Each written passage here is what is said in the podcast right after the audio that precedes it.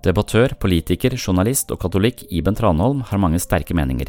Hun mener at islam vil overta verden, og at de kristne må på barrikadene for å stoppe dette. Iben tror også på demoner, og hun er skeptisk til psykisk helsevern fordi vi ikke bedriver eksorsisme av psykisk syke mennesker. Jeg møtte Iben under protestfestivalen, og det ble et møte jeg aldri vil glemme.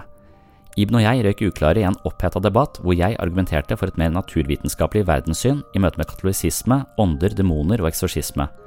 Iben Tranholm kritiserte psykologien for å være en ung, umoden og litt kjepphøy disiplin som ignorerte tusenvis av år med åndelige erfaringer. Hun hadde selv snakket med verdens ledende eksorsister, og hun var 100% overbevist om at enkelte mennesker var besatt av demoner.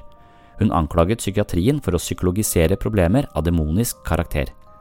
Iben betrakter demoner som noe helt konkret, på linje med et virus man kan pådra seg, og denne typen forståelser av det åndelige, uten metaforisk distanse, har jeg lite til overs for.